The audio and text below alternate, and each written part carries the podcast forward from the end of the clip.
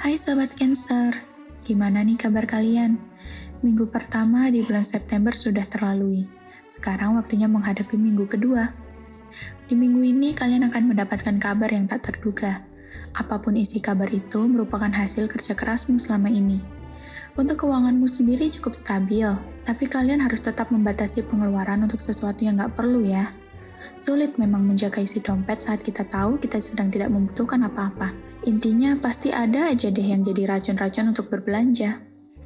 Percintaan untuk Cancer Lovebird. Yang lalu biarlah berlalu. Jika sedang bersama pasangan, jangan membahas si mantan. Sebelum bertindak ke pasangan, coba deh dibayangin lagi bagaimana perasaanmu jika hal itu terjadi pada kamu. Untuk sobat Cancer yang masih single, Jangan minder jika teman-temanmu sudah banyak yang berpasangan. It's all about lifetime. Dan lifetime setiap orang berbeda-beda, guys.